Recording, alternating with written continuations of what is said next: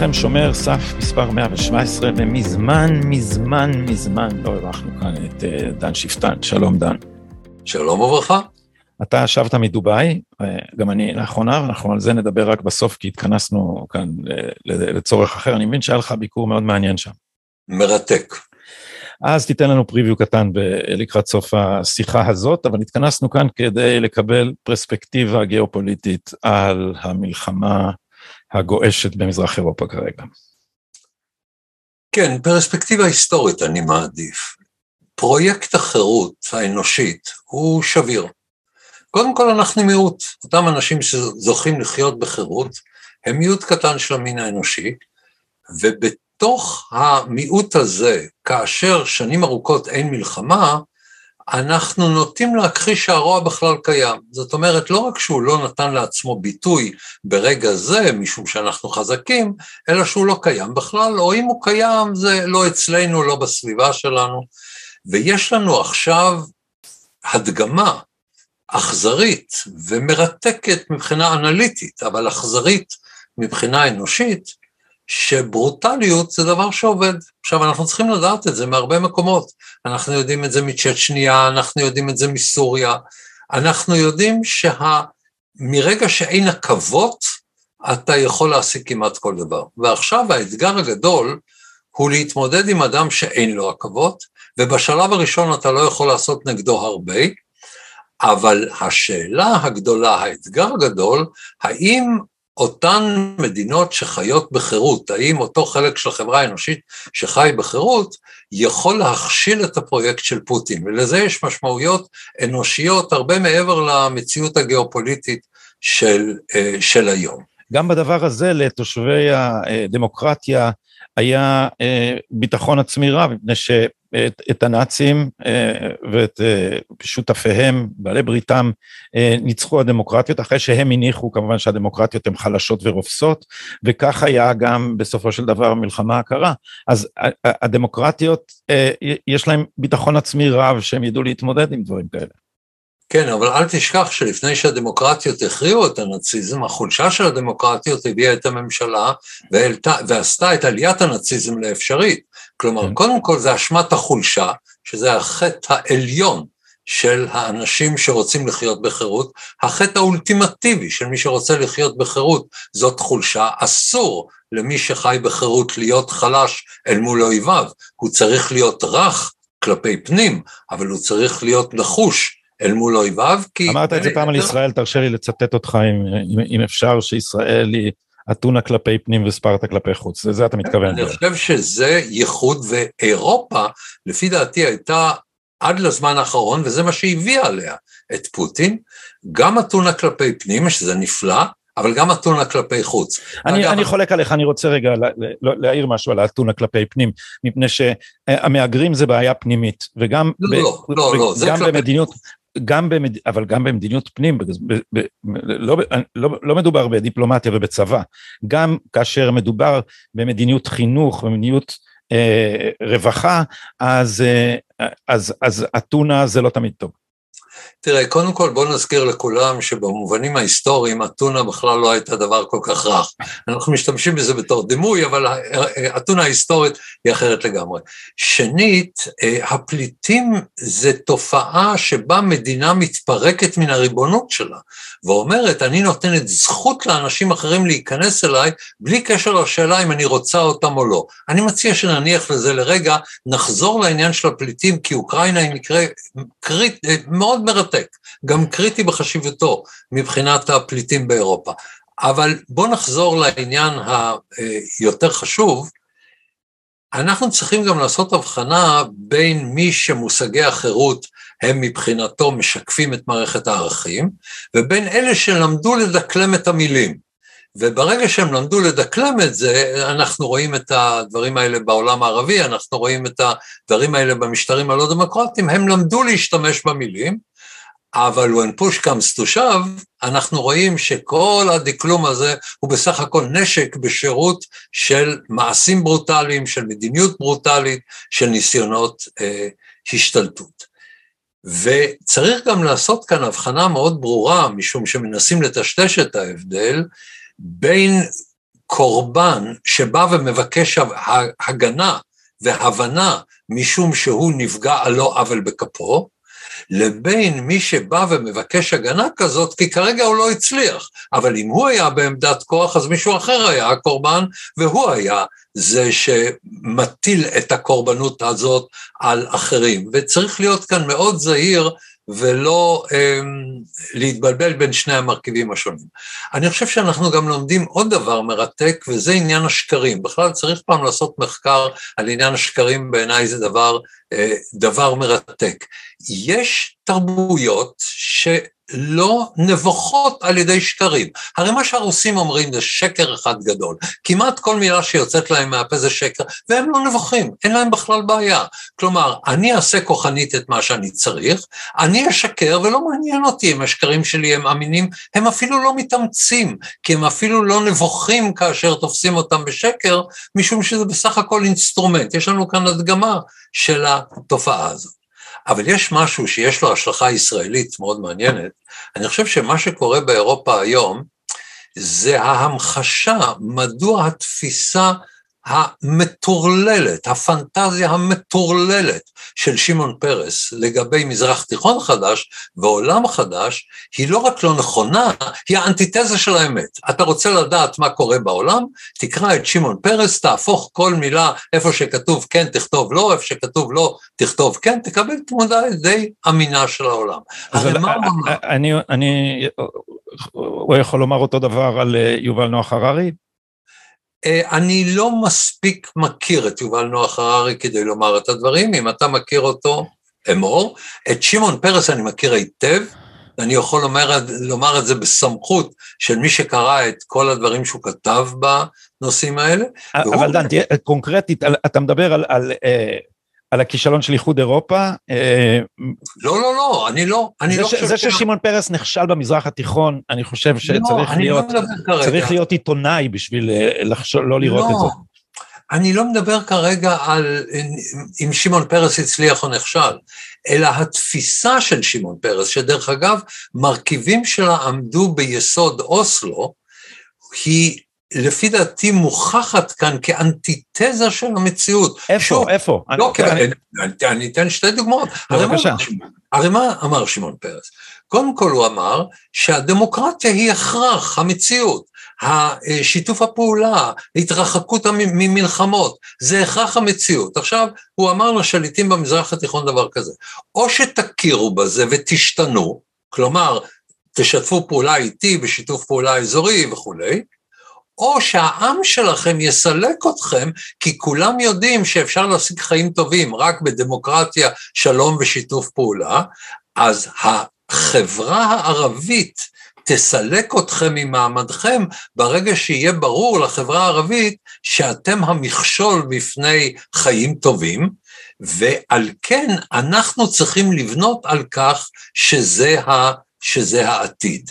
זו הייתה הנחת המוצא של כל התפיסה שלו, ומה שאנחנו רואים פה הוא שאם מישהו במערב חושב כמו שמעון פרס, אז מישהו שיושב במוסקבה מנצל את זה כדי לתפוס בהפתעה את כולנו. אגב, גם אני, אני חייב להודות שגם אני לא העליתי בדעתי שפוטין ילך כל כך רחוק.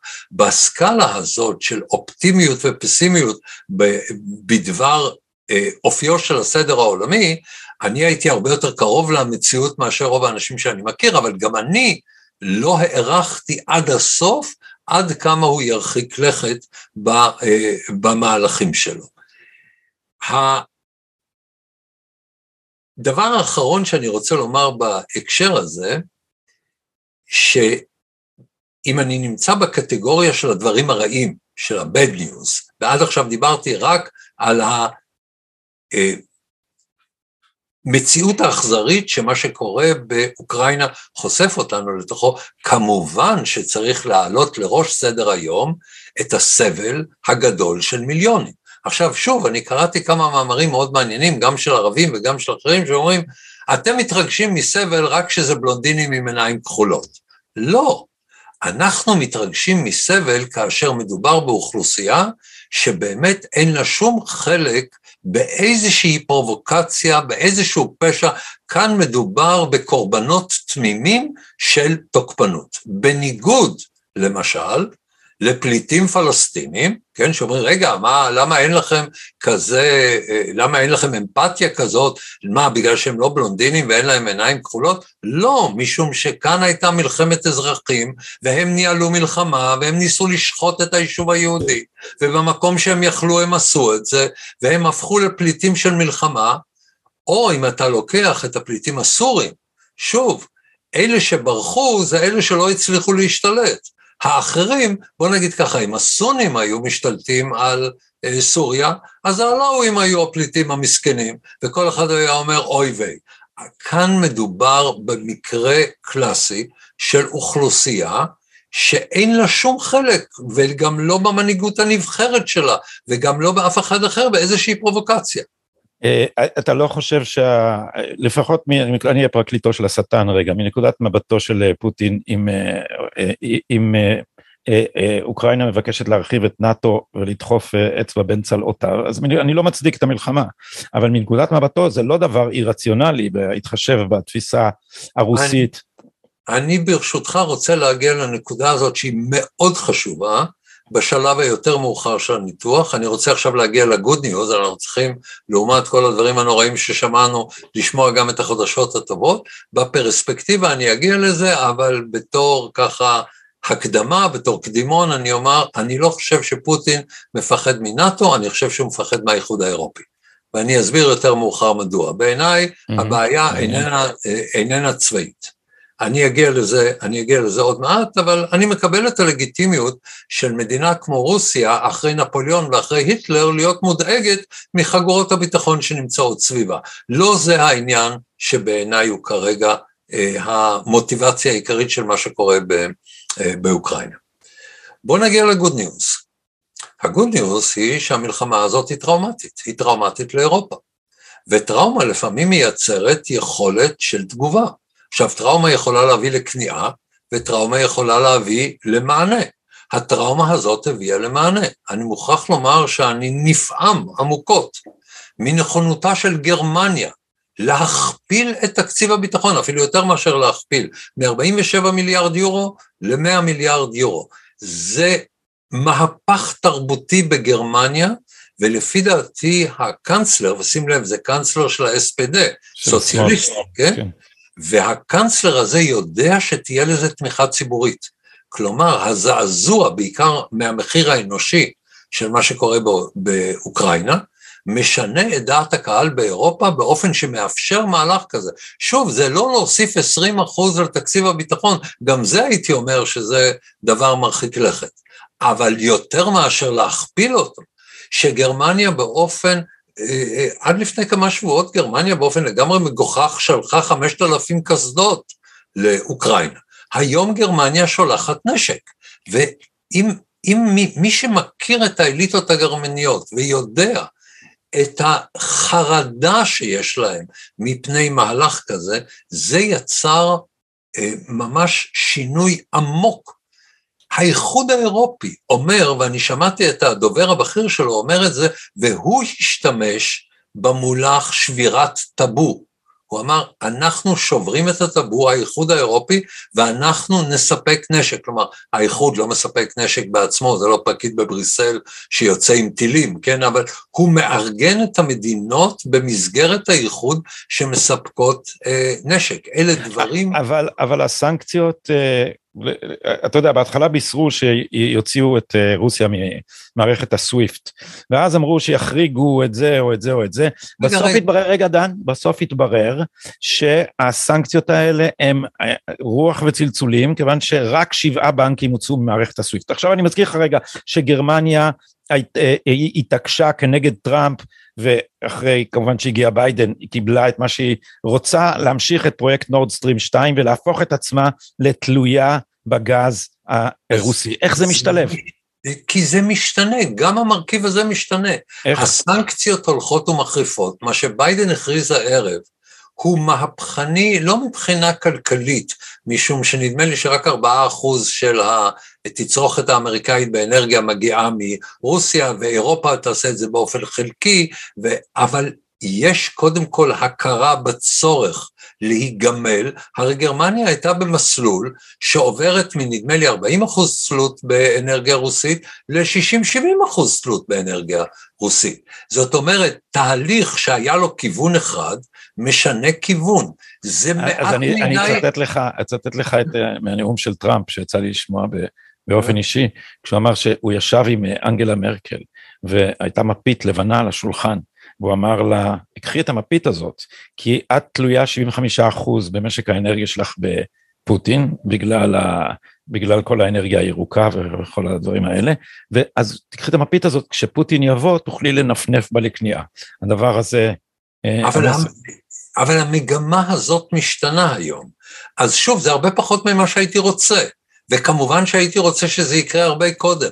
וכמובן שיש לי אכזבה רבתי מאנגלה מרקל. כשאנגלה מרקל לפני 2015 דיברה בתקיפות על אירופה, אני הייתי איתה לחלוטין, אבל מ-2015, מעניין של הפליטים, היא אימצה בעצם את האג'נדה של מתנגדיה בהרבה מאוד תחומים, גם במדיניות חוץ, גם במדיניות פנים, ו... המגמה הזאת משתנה. עכשיו, הייתי רוצה שתשתנה הרבה יותר, הייתי רוצה שהשינוי יתחיל הרבה קודם, הייתי רוצה להיות רגוע שהשינוי הזה הוא בלתי הפיך, אני גם בזה לא בטוח, כן? אבל עצם העובדה שזה קורה, וקורה במגמה משמעותית, זה דבר שאסור לנו להתעלם ממנו. עכשיו, כשאנחנו בקטגוריה של החדשות הטובות, אז בואו נסתכל רגע עלינו במבט המיקרו שלנו. זה יביא עולים לישראל. עכשיו, זה טוב גם לישראל שיבואו עולים, ודרך אגב, לא רק מאוקראינה ומרוסיה, אני חושב שרבים יבינו את, את המסר. עולים או, או, עולים או, איילת שקד הכריזה שאנחנו נקלוט 25 אלף פליטים. לא, לא, אני לא מדבר על אוקראינים, אני מדבר כרי, על אוקראינים שאין להם קשר לזכאי חוק השבות. אני מדבר כן. על זכאי חוק השבות, יהיה לנו כאן עשרות אלפים, אולי יותר, של עולים, וכציוני בלא תקנה, שמאמין שמקומו של העם היהודי במדינת ישראל זה המקום היחידי שבו הוא בטוח, בו המקום היחידי שהוא יכול לפעול כיהודי, כקולקטיב אה, יהודי. אה, אני מברך על העניין הזה, יש לזה חשיבות גדולה. ועניין נוסף, שגם כאן אני מציע לראות הקשרים מעבר לעניין המיידי.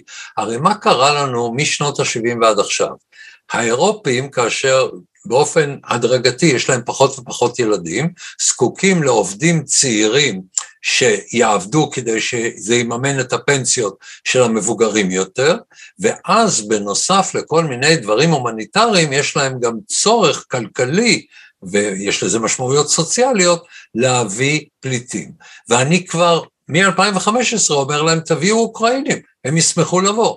עכשיו האוקראינים לא רק ישמחו לבוא, אלא אין להם ברירה, והם באים, כי האוקראינים בעוד דור, שניים, שלושה, יאמצו את מערכת הערכים של אירופה המרכזית והמערבית, והם יהיו עובדים פרודוקטיביים והם יהיו דמוקרטיים, וכשאתה מביא אנשים מסוריה וממרוקו ומאפגניסטן ומפקיסטן, אז בעוד שלושה דורות הם יהיו, לפי הניסיון שכבר יש לנו, ברובם הגדול לא משתלבים בתוך מערכת הערכים של החברות בנות החירות. אז עצם העובדה שעכשיו יקבלו פליטים, יקלטו אותם, הדבר הזה יענה על הצורך הכלכלי שדיברת עליו קודם לכן, הוא יענה גם על הצורך של אירופה להופיע בעיני עצמה ובעיני אחרים כהומניסטית ופתוחה, אבל לא ייווצר אותו גוש של גורמים רדיקליים שלא מקבלים, או אפילו אם הם לא רדיקליים, שלא מקבלים את מערכת הערכים האירופאית הפלורליסטית, וזה בעיקר מוסלמים מכל מיני סוגים. למשל, הטורקים שנקלטו יחסית בהצלחה בגרמניה, חלקם עברו רדיקליזציה על ידי ארדואן, והם בעיה, חלקם. זה לא, אה, עדיין בגדול יש מערכת שעובדת. אבל כאן אוקראינים, לפי דעתי, הדבר הוא יהיה הרבה יותר פשוט. למה? זה לא מסורת דמוקרטית באוקראינה. לא, אבל זה אנשים שייקלטו בתוך המסורת הדמוקרטית. יש לנו הרבה ניסיון בזה, למשל עם פורטוגזים בצרפת. יש לנו הרבה ניסיון עם אנשים שבאו מחברה לא דמוקרטית, ואימצו ערכים דמוקרטיים. אגב, אז, הצרפת... אז, איפה, אז מה, איפה הקו המבדיל? אה, מאיזה תרבויות זה כן עובד ומאיזה לא? תראה, בתרבויות ערביות ברוב הגדול של המקרים זה לא עובד. בפקיסטן, באפגניסטן זה לא עובד. בהודו, שזו תרבות מאוד מאוד שונה, זה כן עובד, כן? כי הם משתלבים, הם מקיימים מרכיבים של ה... בהודו למשל, ב, סליחה, בבריטניה למשל, ההגירה ההודית היא הצלחה בולטת. גם, גם. בארצות הברית הצלחה גדולה מאוד. בארצות הברית, כן. ואתה יודע, אני, התיאוריה החובבנית שלי אומרת שהם מוכנים לדמוקרטיה, כי כבר יש להם דמוקרטיה של אלים. הם כבר באים, יש כל כך הרבה אלים בהודו, שאתה כבר מוכן לפלורליזם. זה תיאוריה חובבנית. יכול כן. להיות. אה, תראה, אבל אני... למה רוסיה כן? כי ברוסיה אין, ברוסיה אף פעם לא היה, ברוסיה, מזרח אירופה, כל התרבויות אה, אה, והמדינות, הרצועה שמסביב לרוסיה, לא הייתה תרבות דמוקרטית בעלת שורשים. נכון, נכון. דמוקרטיה לא שרדה. אבל אני רוצה להזכיר לך מדינה שאולי אנחנו חושבים עליה לעיתים פחות קרובות, מדינת ישראל, שבאו האנשים מרוסיה וממזרח אירופה והקימו כאן דמוקרטיה, יהודים. תוך כדי מלחמה. יהודים. כן. זה היה, יהודים הייתה להם מסורת של שלטון עצמי בקהילותיהם? בתוך הקהילות, נכון, אבל השאלה מה קובע, אני, אני מסכים, תראה, השאלה שלי נורא פשוטה, מה עובד, מה לא עובד. בוא תסתכל על הניסיון, מה עבד באירופה, מה לא עבד באירופה. אני יודע בדיוק מה לא עבד באירופה, כן? ולכן אני חושב שהמיליון שנקלטו בגרמניה ב-2015 ייקלטו, יקבלו אינטגרציה הרבה הרבה הרבה הרבה פחות טוב מהפליטים האוקראינים שיבואו עכשיו. אני די בטוח בזה. אבל אתה יודע מה, נחיה ונראה. טוב. לפחות בוא נגע, על יסוד ניסיון העבר, זה נראה לי דבר חיובי. ודבר אחרון, הפרספקטיבה, וכאן אני מגיע לשאלת המפתח שאתה הצגת קודם. תראה, האירופים לא ניסו, אני מדבר על השנים האחרונות, לקדם את העניין של אה, נאט"ו. אחרי שהרוסים הגיבו בגיאורגיה, הם הבינו לאן אי אפשר ללכת יותר, והפרויקט הזה פחות או יותר נעצר. מצד שני, הטריגר הגדול, וכאן אני דווקא מקבל את מה שמרשיימר אומר אנליטית, אני לא מקבל את ההערכה הכוללת שלו, אבל בהקשר הזה, מה שהוציא את פוטין משלוותו היה 2014. כלומר, שבמקום ש... כמו אוקראינה, שהוא רואה אותה כחלק שנגזל מרוסיה, והוא רואה את תושביה כרוסים, או לפחות כאיזה מעטפת של אה, רוסים, שם הוקם משטר שהלך בכיוון של האיחוד האירופי. וזה מה שמפחיד את פוטין. מה שמפחיד את פוטין זה האיום על המשטר שלו, זה האיום על האוטוריטריות, זה הרצון של האנשים בחיים טובים. הרי מה קורה? רוסיה מחוץ לסן פטרסבורג ומוסקבה חיה בהרבה תחומים במאה ה-19, אני יודע, מבחינת שירותי הרפואה, שירותי הרווחה. אבל אנשים מאושרים מזה שרוסיה היא גדולה וחשובה ומעצמה, ובאירופה המערבית לא רק שלאנשים זה לא חשוב, אלא שהם רואים בזה איזה דבר אה, אה, מזיק. ופוטין שייך לתרבות מסוימת שבה כאשר מדינה כמו אוקראינה מאמצת את התרבות שהיא האנטיתזה שלו, זה לדעתי יותר מפחיד אותו מאשר נאט"ו. מה קרה בשנים האחרונות שעושה את פוטין ליותר תוקפני בתחומים האלה, שמשקיע יותר בצבא שלו, שבונה אותו בדיוק לסוג כזה של תרחישים, 2014. זה שבקייב אפשר לסלק שליט בובה של רוסיה, ולהקים שם מערכת דמוקרטית שמגיעה עד לנקודה שהיא בוחרת קומיקאי להיות נשיא, ולשם שינוי זה עובד כנראה. זאת אומרת, זה קורה לפעמים שאדם שמגיע מחוץ למערכת, מוכיח את עצמו כמי שמסוגל ל... לקבל תמיכה ציבורית רחבה, ובזמן הנכון לעשות את המעשה הנכון. דן, לטובת מאזיננו שאינם מתמצאים, תאר לנו את המהפכה של 2014. אה, גם אני לא מומחה גדול למהפכה הזאת, אני יודע את התוצאה שלה. התוצאה הייתה, אנשים יצאו לרחובות, דרך אגב, הם נפנפו בדגלים של האיחוד האירופי. הם לא נפנפו בדגלים של נאט"ו, הם נפנפו בדגלים של האיחוד האירופי. הם אומרי, אמרו, אנחנו רוצים חיים טובים כמו באירופה המערבית. והתוצאה הייתה בחירות דמוקרטיות למדי, במדינה מאוד מושחתת דרך אגב. מי שחושב שאפשר לקבל אותה לאיחוד האירופי לפי הסטנדרטים של האיחוד האירופי, לא מכיר את השחיתות האוקראינית ואת המערכת המאוד מסואבת שיש שם. אבל... אני, אני יכול לספר בשולי הדברים רק על הסיאוב של המערכת באוקראינה, שיש, אה, השחיתות היא ממוסדת. באיזה כן. מובן? במובן זה שאתה יודע כמה צריך לשחט שוטר אחרי שאתה עובר באור אדום. וכפי ש... אה, סיפר לי אה, אה, מישהו שזה קרה לו אישית, הנהג שלו עבר באור אדום, עצר אותו שוטר, פתח את החלון, אמר לשוטר, סליחה, יש לי רק שטרות גדולים, אולי יש לך עודף.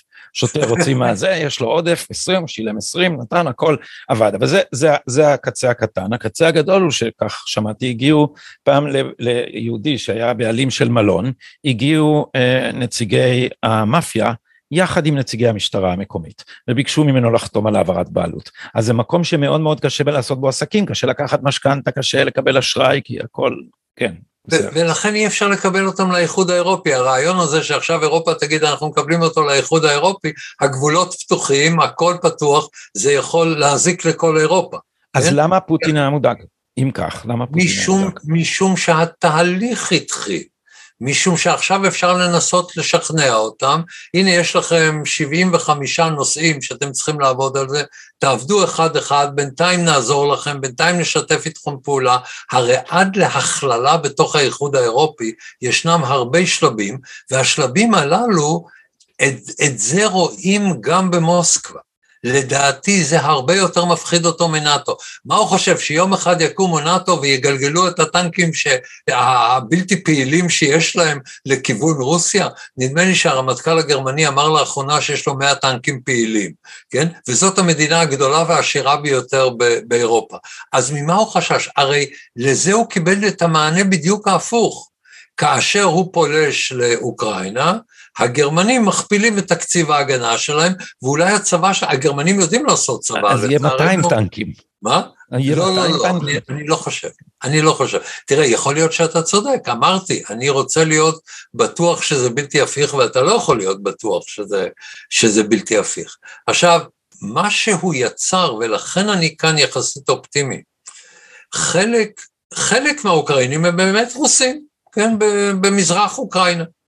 חלק ראו את עצמם כרוסים, וחלק ראו את עצמם כאוקראינים, אבל הם לא היו אנטי-רוסים. נדמה לי שעכשיו רוב האוקראינים רואים את הרוסים כמי שמחזק את הסולידריות הלאומית האוקראינית.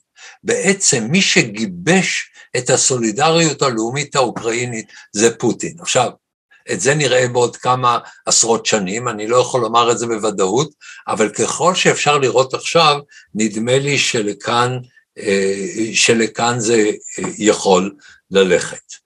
ודבר אחרון שאני חייב לומר אותו, פשוט כי אני חושש שהדברים שאני אמרתי הערב יכולים להישמע יותר מדי אופטימיים, ואני תמיד נזהר מאופטימיות יתר.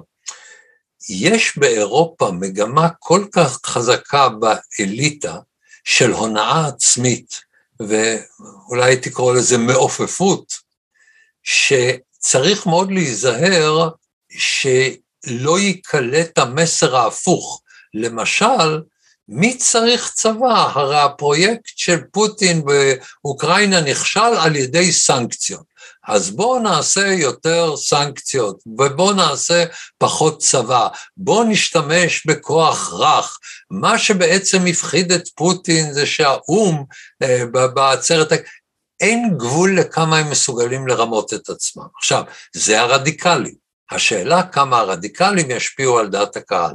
אני, on balance, אני אופטימי, כן? נדמה לי שיש כאן מגמה שהוא לא יכול להצליח למנוע בדיוק את מה שבשבילו הוא יצא למלחמה. המסר שמגיע עד למוסקבה, שאומר אפשר לחיות חיים טובים, אפשר לחיות בעולם שבו. אמ, סוג המלחמה שפוטין הכריז יהיה עוד יותר בלתי צפוי ממה שהוא היה ערב המלחמה הפעם. והערה אחרונה, אם תרשה לי בנושא הזה, שאלת מפתח, מבחן נורא חשוב, זה איפה תעמוד סין. אם סין, למשל, אפשר לעשות המון סנקציות נגד האנרגיה הרוסית במערב, ואם לרוסיה היה היום צינור פעיל לסין, ושם יש רעב לאנרגיה שהוא עצום, יכולים הרוסים להגיד, תודה רבה, אנחנו יכולים ללכת אל הסינים, אנחנו לא צריכים לבוא אליכם. אתם תסבלו כי לא יהיה לכם מספיק אנרגיה, ואני רק אבנה את זה כי אני יכול לעשות... כרגע אין צינור, אומרים שזה לוקח שלוש, שלוש וחצי שנים, אולי זה שלוש וחצי שנים לפי סטנדרטים של ההסתדרות, אז אפשר לשנות את זה לשנה אחת, אני לא יודע, כן? אבל אין, אין, לו, את ה, אין לו המכשיר שיאפשר לו לעשות את זה. בינתיים גם הסינים מאוד אמביוולנטיים, מצד אחד הם רוצים לדחוק את ארצות הברית לפינה, מצד שני כל הרעיון של גבולות מקודשים, לרבות טיוואן כחלק מסין, כן? זה מרכיב מאוד חשוב במדיניות הסינית. אני לא מומחה לסין, אני לא יודע אם הדבר הזה יכול לעבוד או לא, מה שאני יודע זה כך, אם אתה רוצה לפגוע למישהו בכיס ובאים הסינים וממלאים את הכיס שאתה רוקנת, כי כדאי להם, כי הם יכולים לקנות יותר בזול, משום שתלויים בשוק שלהם ואין להם שווקים אחרים, אז יכול להיווצר כאן אמ, תיאום אינטרסים בין רוסיה לבין סין נגד ארצות הברית במאבק הבאמת חשוב על קביעת הסדר העולמי, כי אני רוצה להגיד לך, אני מאוד חושש שאם תופעה כזאת, כמו עכשיו באוקראינה, הייתה מתרחשת בעוד עשר שנים, יש לי ספק אם הסנקציות האמריקניות היו משפיעות, כי הסינים כבר היו מוצאים תחליף לחלקים של המערכת העולמית שארצות הברית היום מנהלת. אז צריך לראות את זה בפרספקטיבה יותר רחבה. דן, אתה לא... סליחה. כן. בהערה ישראלית, אם לרוסים יהיה כדאי להכשיל עכשיו את ההסכם עם איראן, אז בכלל אה, יש עוד מרכיב אופטימי אחד. או-הו, כל כך הרבה אופטימיות ממך לא שמעתי אי פעם, אני חייב לומר, ואני אני, אני לא אופטימי כמוך, אז אני רוצה לשאול אותך, אה, האם אתה לא אה, מגזים? קודם כל, האם אתה לא מגזים באופטימיות לגבי המערב? טוב, הגרמנים הכפילו את תקציב הביטחון שלהם, האמריקאים עושים איזה סנקציות ונשענים על נפט מוונצואלה בטיפשותם הרבה, ובינתיים עושים סנקציות שאנחנו לא יודעים כמה אפקטיביות הם יהיו, אני מזכיר לך שהרוסים הולכים לשלוט לגמרי על הכלכלה האוקראינית אם הם יכבשו את אודסה, מפני שכל הייצוא של אוקראינה עובר אה, או לא כל, אחוז גדול מהייצוא של אוקראינה עובר דרך הנמל הזה בים השחור, אז המערב עושה קולות, זה מאוד מעודד וככה, אבל אם הדבר הזה יעבור בשקט, ו- ו- ופוטין י- יספח את uh, משהו כמו מחצית אוקראינה, שמעתי לפי חלק מהערכות, אז המסקנה של הסינים תהיה שאפשר, המסקנה לא תהיה, אז, הכפילו את תקציב הביטחון בגרמניה, זה לא אומר שהם מוכנים לעשות uh, מלחמה, והסינים יגידו אפשר לקחת את טיוואן, כי ביידן יטיל עלינו איזה סנקציה. אינני יודע, כמובן שהתסריטים האלה הם אפשריים, הם נראים לי פחות סבירים ברגע זה. תראה, הרי כל מה שאנחנו... עושים... כי הלחץ על פוטין יעבוד? זה מה שאתה אומר? אני חושב שבסופו של דבר הוא לא ישיג את המטרה שלו באוקראינה במחיר סביר, כן? אני לא אומר שיום אחד הוא ירים דגל לבן, כן? אני לא אומר שיום אחד הוא יגיד, אוקיי, הבנתי, אי אפשר, אני חוזר הביתה. אין אופציה כזאת עם אדם כמו פוטין. אבל יש אופציה שבחשבון היסטורי אפילו קצר של 10-20 שנים, זה ייחשב ככישלון, כטעות, ומה שאני לא יודע, הנעלם הגדול, ואין לי שום דרך ל- לומר את הדברים בוודאות, הנעלם הגדול הוא דעת הקהל האירופית.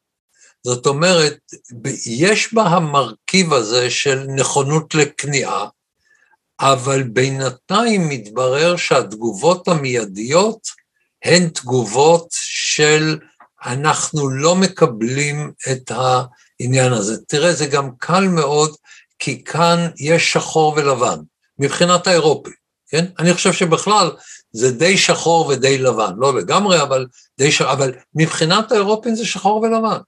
הנה יושבים אנשים שלווים, ויום אחד הם בורחים עם הילדים שלהם בגלל שמפציצים להם את העיר. זה דבר שלא יכול לא להשאיר רושם אפילו על אירופים. זה באמת לא היה כזה אכפת להם כשזה קרה בסוריה.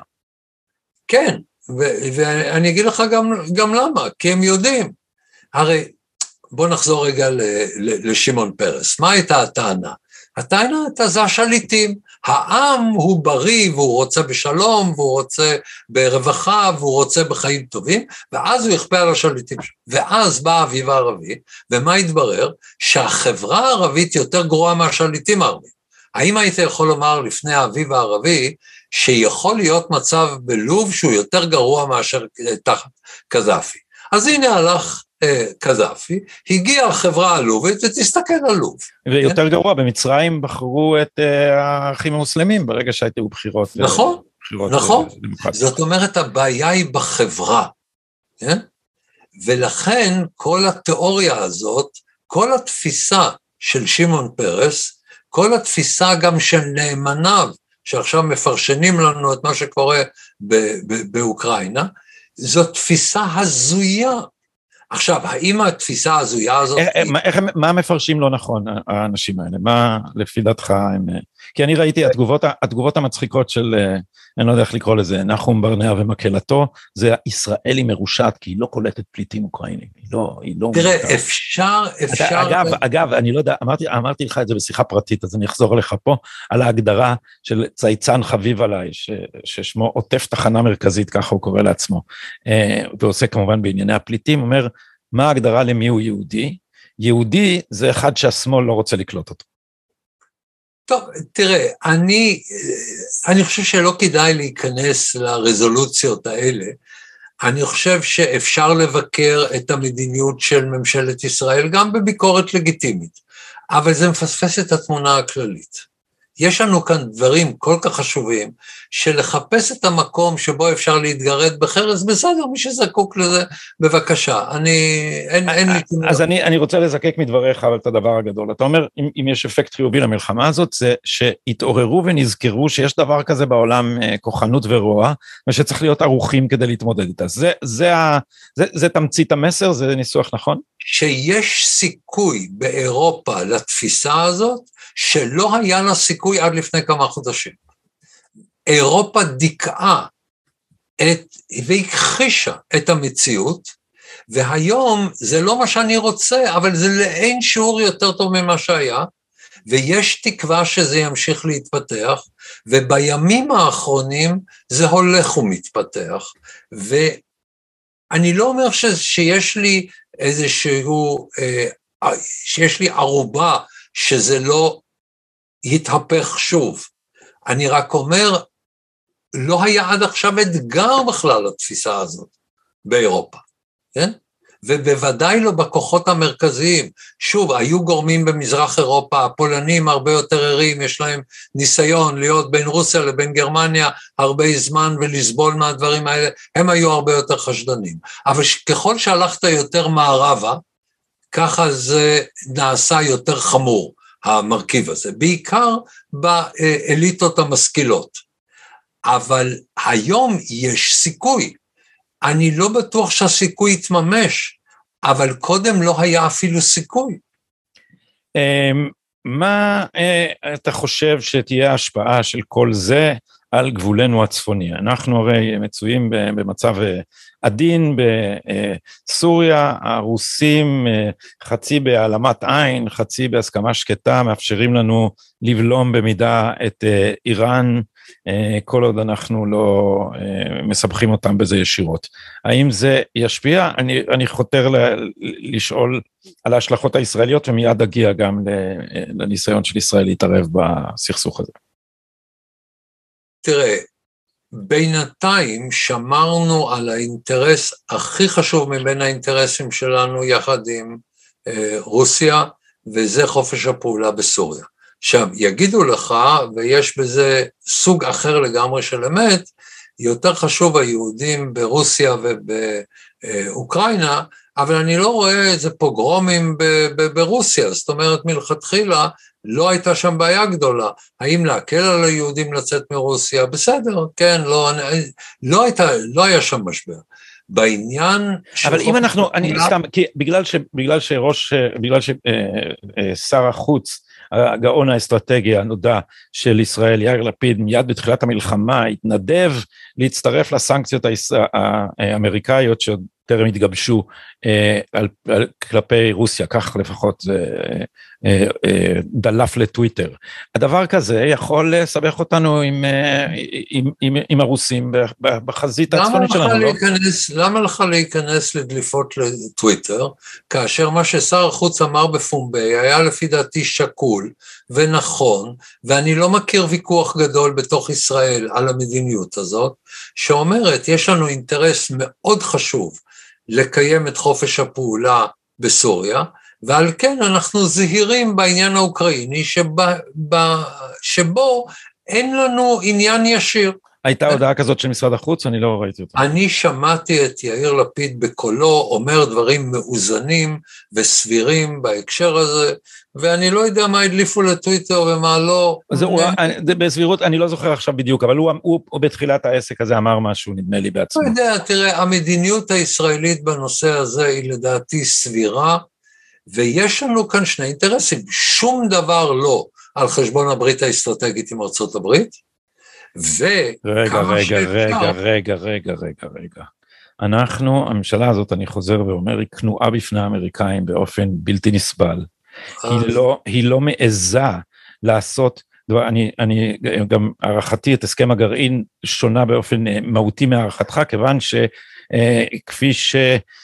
גם מייק דורן כתב, גם מייק דורן ואני כתבנו בהארץ לממשל הזה בהנהגת רוב מאלי, אני לא יודע אם שמעת את שר החוץ הצרפתי, אה, שר החוץ הרוסי, אוליאנוב אומר, האיראנים מקבלים יותר ממה שהם יכלו לצפות בהסכם הזה, מפני שרוב מאלי דוחף לשם, זה השליח האמריקאי. אז אנחנו מדברים עכשיו על ממשל אמריקאי שהוא פשוט עוין, הוא עוין, לא, הוא, לא. רגע דן, תן לי לגמור את המשפט, הוא עוין במובן זה, ביידן אמר ב-2014, הבעיה שלנו במזרח התיכון היא בעלות בריתנו.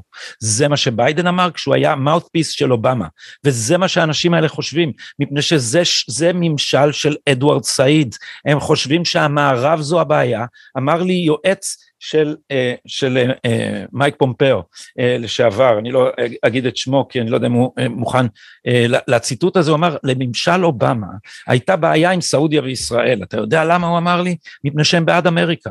ואז הם בצד הלא נכון של ההיסטוריה. אז עכשיו יש לנו ממשל שהוא, נגיד ביני לבינך, אתה חושב שהוא לא חברי מספיק ואני חושב שהוא ממש עוין, אבל הדרך לרסן אותו, הוא, הוא, היא עוברת דרך, דרך דברים שהם פומביים. מה שישראל עושה על ידי זה שהיא מקבלת את, ה, את השטות הקולוסלית התעמולתית של חבורת בן רודס בממשל האמריקאי, שאומר שהאיראנים העשירו אורניום בגלל שטראמפ יצא מההסכם. אז ישראל מקבלת את הדבר הזה, מה התוצאה, הסביר לי אחד מידידינו בארצות הברית, הוא אמר לי, אתם לגמרי שיתקתם את היכולת שלכם לשתף פעולה עם האופוזיציה באמריקה. מפני שהאופוזיציה להסכם הגרעין באמריקה, במפלגה הרפובליקנית בעיקר, לא יכולה להגיד שזו הייתה טעות לצאת מההסכם, אבל שלא צריך לחזור אליו. אז אנחנו פה עם, עם, עם הברית, סליחה שאני, אה, פשוט זה העניין, העניין הזה מבחינתנו בוער הרבה יותר, אנחנו לא מצליחים להעמיד שום התנגדות אה, אפקטיבית לזחילה של האמריקאים למרגלותיהם של האיראנים. אז אני אגיד לך על זה שני דברים. קודם כל, ממשל אובמה לפי דעתי גרם יותר נזק למעמדה של ארה"ב בעולם מכל ממשל אחר מאז מלחמת העולם השנייה. אמנם אה, קרטר הוא מתחרה, אבל הוא היה רק בתקופת כהונה אחת, ולאובמה, יחד עם ביידן, בתחומים מסוימים, יש תקופה הרבה יותר ארוכה, וזה מתמקד בעניין שנוגע לנו, וזה אה, מתמקד באיראן. ואני חושב שההסכם היה מאוד גרוע, אבל מה התברר לנו בדיעבד?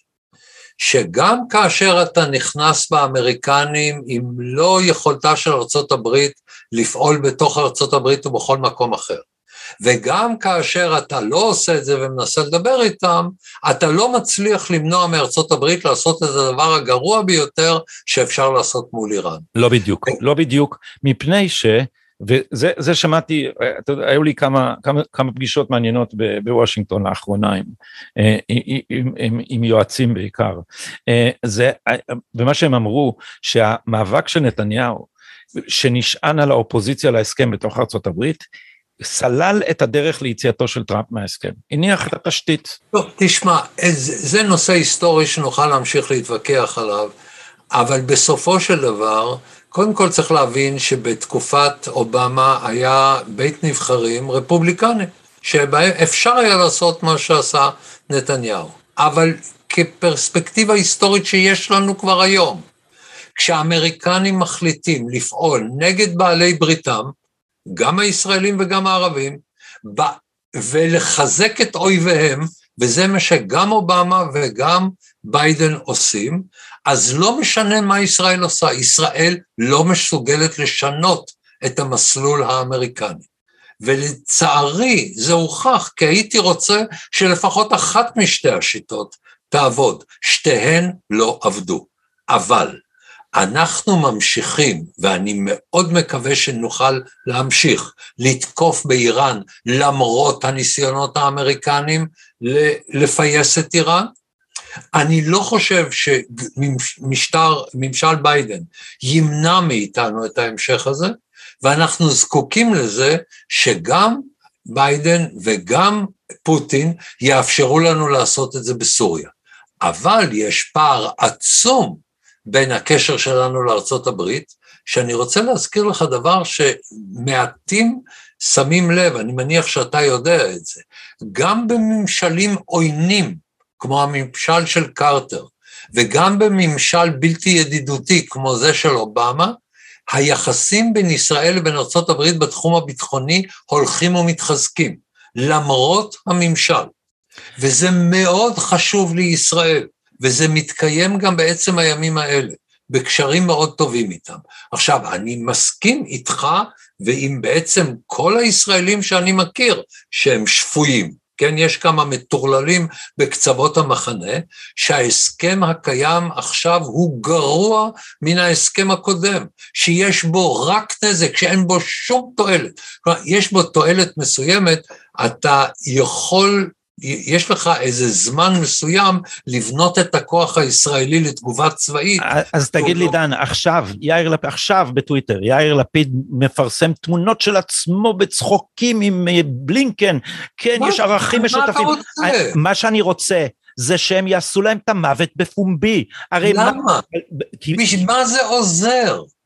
אנחנו זקוקים לארצות הברית. אנחנו זקוקים, אנחנו צריכים לאפשר לאופוזיציה הרפובליקנית להניח מכשולים על הדרך להסכם הזה, ויש מכשולים, רגע דן, רגע, תן לי לגמור בבקשה, יש, יש אפשרות להניח מכשולים אפקטיביים פרלמנטריים, יש, ויש מצב שבנובמבר שני בתי הקונגרס יעברו לידי הרפובליקנים. כשג'ו ביידן אמר, זה, נתניהו אמר אצלי בפודקאסט הזה בשומר סף, כשג'ו ביידן אמר לו, תשמע, בוא, אנחנו, זה היה בתחילת, לפני שנתניהו אה, עזב את ראשות הממשלה, לפני, בוא, את, ה, את האי הסכמות שלנו על הסכם הגרעין, בוא ננהל בשקט בינינו בדלתיים סגורות. אמר לו נתניהו, אמר לי, השבתי בנימוס, לא. מפני שממשלת ישראל לא יכולה שלא לנהל מאבק נגד הדבר הזה. עכשיו אתה מתחבק עם בלינקן, אתה מתחבק עם בלינקן. לצערי, הייתי רוצה שיצליח. ממשלת ישראל עכשיו ניסתה את ההידברות ונכשלה. ארצות הברית בחירתו של רוב, רוב מאלי שיקפה את המדיניות הזאת, שאומרת בוא נעבוד עם אויבינו נגד בעלי בריתנו. אגב, יש היסטוריה אמריקאית, אתה היסטוריון של ארצות הברית, אתה זוכר בו... בוודאי שזה מה שאייזנהאואר עשה עם גמל עבדל נאסר, לא רק נגד בעלות הברית האזוריות שלו, נגד בריטניה וצרפת.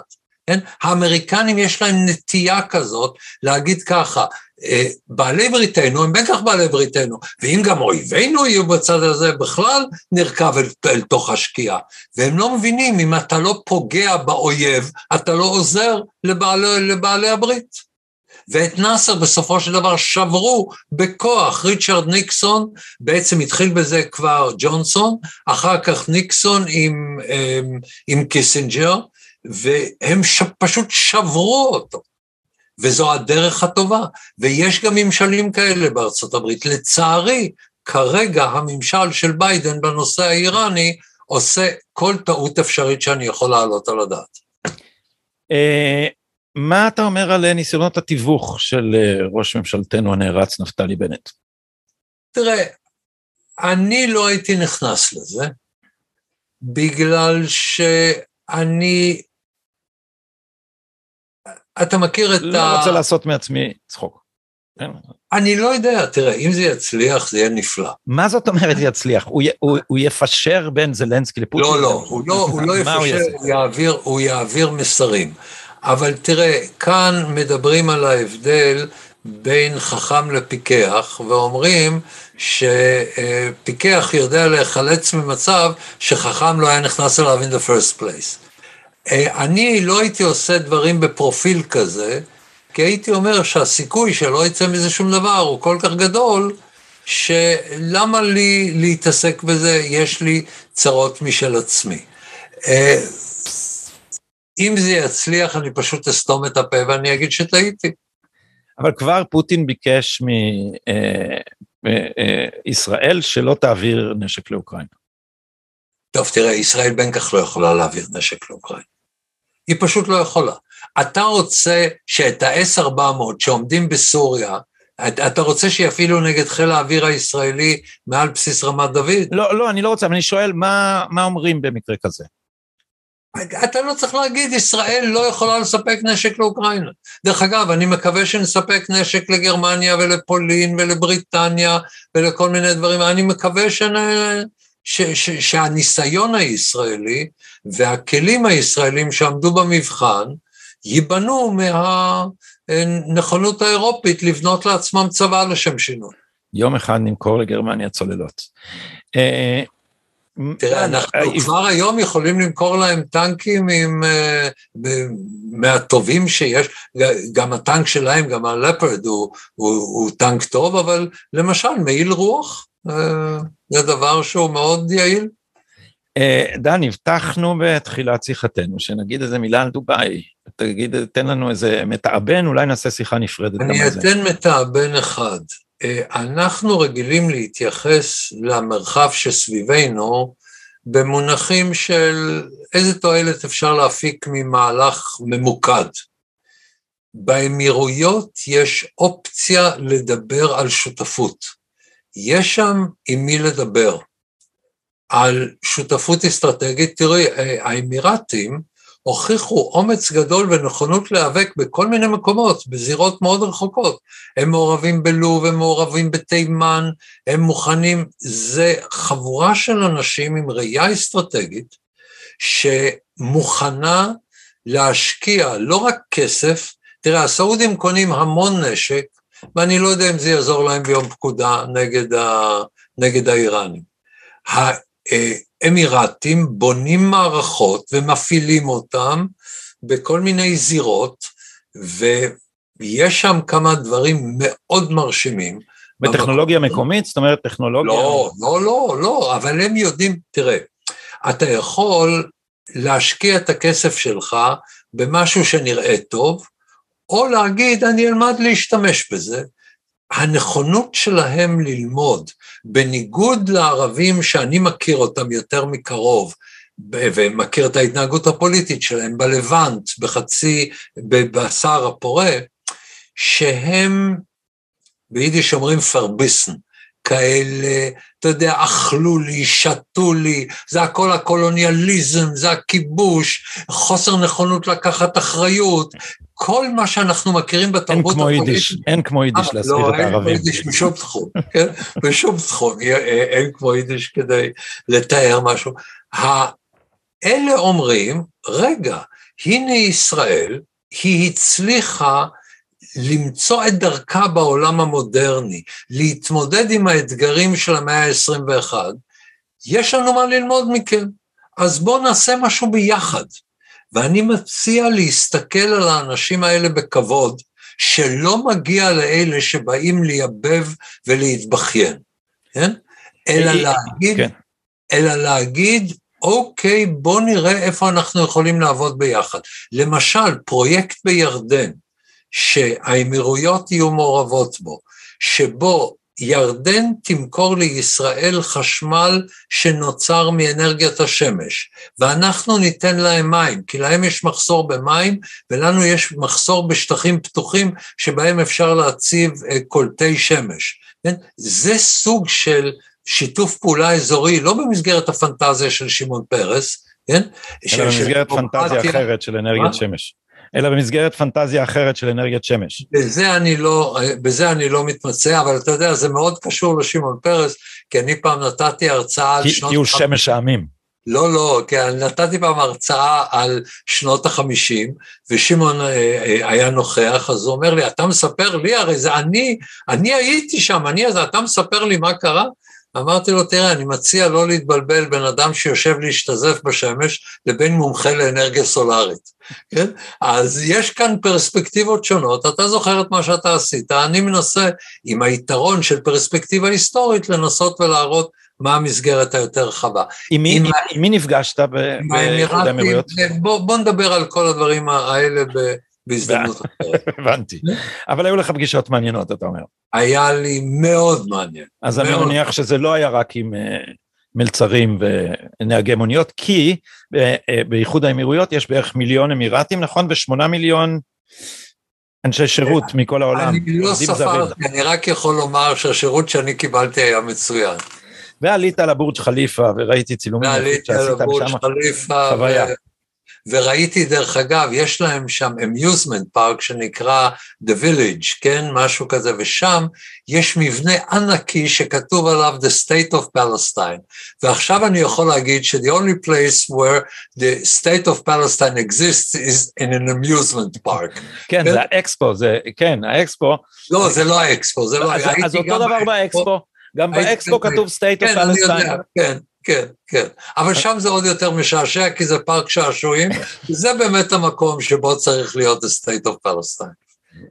דן שפטן, לכבוד ולעונג, כרגיל, ואנחנו נוסיף ונעקוב, ואנחנו צריכים לעשות uh, שיחה אחרת על, uh, על, על המצב בעולם הערבי שמזמן לא עשינו, uh, ועל הסכם הגרעין עם איראן, ומתבשל בשבילי משהו אחר בשבילך שנוגע לטורקיה, ואני לא בטוח שאני יכול לספר לך את כל התוכניות של שומר סף בשבילך.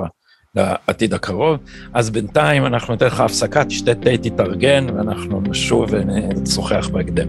יופי, תודה רבה, להתראות.